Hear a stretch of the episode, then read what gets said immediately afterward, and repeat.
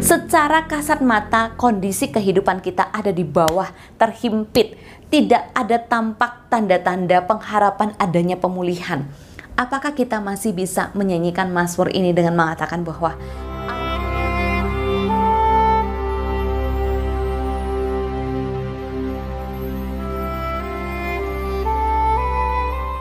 Allah itu bagi kita tempat perlindungan dan kekuatan. Sebagai penolong dalam kesesakan, sangat terbukti. Ini adalah salah satu bagian dalam Mazmur 46 yang menyatakan puji-pujian, pengagungan, sukacita dan syukur kepada Allah sebagai kota benteng.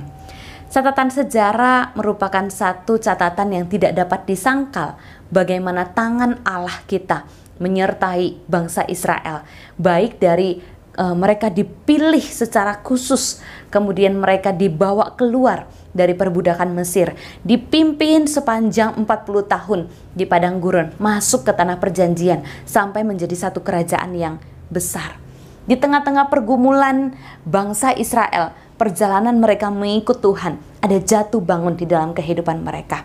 Tetapi track record Allah, jejak kaki Allah, jejak tangan Allah yang menyertai dan menopang umatnya itu tidak dapat disangkal. Maka Mazmur 46 ini dengan tepat menyatakan satu pujian, pengagungan dan pengharapan, satu keyakinan yang sama dengan mengingat perbuatan tangan Allah di masa yang lalu bahwa Allah itu bagi kita tempat perlindungan dan kekuatan. Saudaraku yang dikasihi Tuhan, di dalam kehidupan kita mengikut Tuhan, saya tahu bahwa tidak selalu perjalanan hidup kita itu berjalan dengan mulus. Ibarat sebuah kehidupan itu seperti roda yang terus-menerus berputar. Ada kalanya kita berada di atas, tapi tidak jarang kita harus berada di bawah. Tetapi pertanyaan bagi setiap kita, seandainya roda itu semakin hari semakin berputar, tiba-tiba saat posisi kita ada di bawah dan kemudian roda itu kempes. Artinya apa? Secara kasat mata kondisi kehidupan kita ada di bawah, terhimpit, tidak ada tampak tanda-tanda pengharapan adanya pemulihan. Apakah kita masih bisa menyanyikan Mazmur ini dengan mengatakan bahwa Allah itu bagi kita tempat perlindungan dan kekuatan. Sebagai penolong dalam kesesakan sangat terbukti. Saudaraku yang dikasih Tuhan, Allah sebagai tempat perlindungan dan kekuatan itu tidak dapat dirasakan ketika kita berada di dalam kondisi aman. Tetapi justru di tengah badai, di tengah persoalan hidup, di tengah ketakutan, di tengah ancaman-ancaman kecemasan di dalam diri kita, Di situlah ketika Allah hadir menyertai kita dan memberikan kita kekuatan. Kekuatan itu dapat kita rasakan. Karena ada kesesakan, karena ada pergumulan, kita dapat merasakan adanya hadirat dan penyertaan Allah. Karena ada kesesakan, karena ada pergumulan, ada penderitaan, kita dapat merasakan betapa besarnya dan betapa berartinya penyertaan Tuhan di dalam kehidupan kita.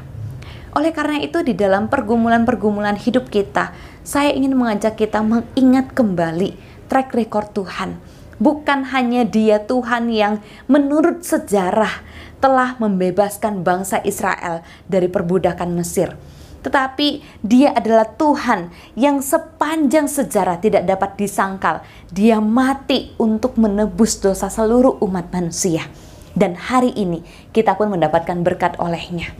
Karena Kristus adalah penolong dalam kesesakan. Bahkan masalah terbesar dia turun ke dalam kerajaan maut ke tempat yang paling gelap, ke tempat yang paling bawah, yang paling ditakutkan oleh manusia. Dia menyelesaikan persoalan itu untuk kita. Maka seharusnya kita pun boleh memiliki satu kepercayaan dan pengharapan kepada Allah yang demikian. Jika hari ini saudara masih terus menghadapi pergumulan dan merasa pergumulan saya terlalu berat, ingatlah bahwa Dia adalah tempat perlindungan dan kekuatan. Dia penolong di dalam kesesakan kita. Ada masa-masa yang telah lewat di dalam hidup kita, Tuhan telah bawa kita keluar di dalam pergumulan kita maka mari kita pun belajar untuk diam dan tenanglah.